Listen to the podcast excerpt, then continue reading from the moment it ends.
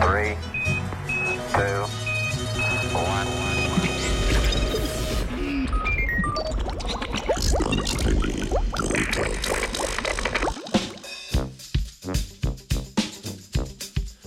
Navada je železna srca.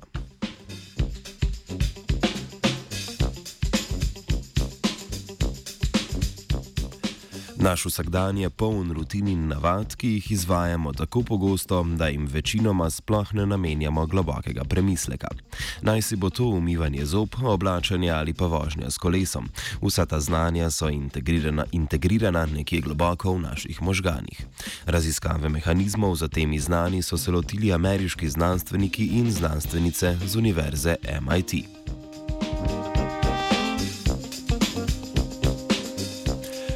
Podzavestne rutine so le na videz zgolj ena akcija. V realnosti, naprimer, postopek umivanja zob sestavlja več delov: nanašanje zobne paste na ščetko, ščetkanje in naposled spiranje ust.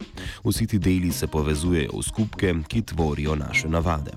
Avtorje in avtorice omenjene študije je zanimalo, kako se ti delci, ki sestavljajo navado, odražajo v možganih.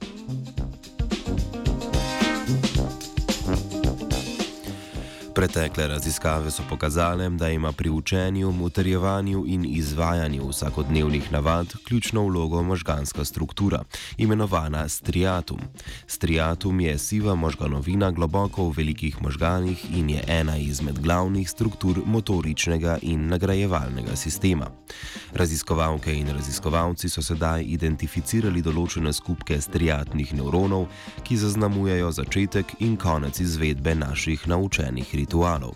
Prav tako so ugotovili, da pomembno vlogo pri tem odigrajo striatni projekcijski nevroni in striatni internevroni.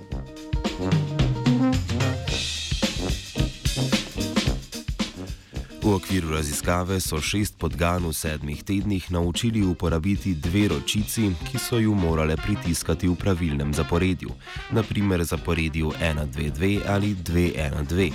Vsaka od podgan je imela določeno le eno pravilno zaporedje. Podgane so morale v zadnji fazi raziskave pravilno izvesti naučene sekvence. Za pravilno izvedbo so bile nagrajene z manjšo količino čokoladnega mleka, za napačno pa so jim predvajali, predvajali beli šum. Medtem ko je živalim tekom tedna izvajanje naloge prehajalo vedno bolj v navado, so raziskovalci in raziskovalke snemali aktivnost njihovih striatnih projekcijskih nevronov. Ugotovili so, da se ti pred inicijacijo akcije in po njenem zaključku vedno bolj aktivirajo.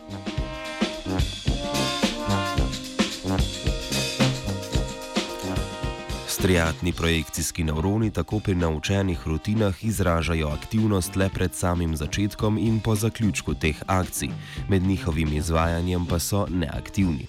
Raziskovalki in raziskovalci in raziskovalke so ugotovili, da med časom izvajanja naučene akcije postanejo aktivni striatni internevroni.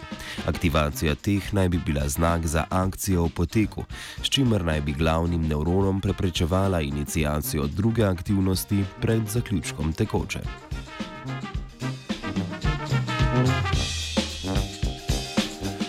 Izsledki študije pričajo o sofisticiranih možganskih sistemih za priučitev, utrjevanje in izvajanje naših ritualov ter navad. Nadaljne raziskave z tega področja nas lahko s časoma privedajo do novih spoznanj o naših motoričnih mehanizmih in posledično tudi k novim metodam zdravljenja moten pozornosti. Ko si boste naslednjič ščetkali zobe ali se usedli na kolo, ne pozabite na zapletene možganske procese, ki vam omogočajo izvedbo takšnih in podobnih, na vides preprostih vsakdanjih aktivnosti.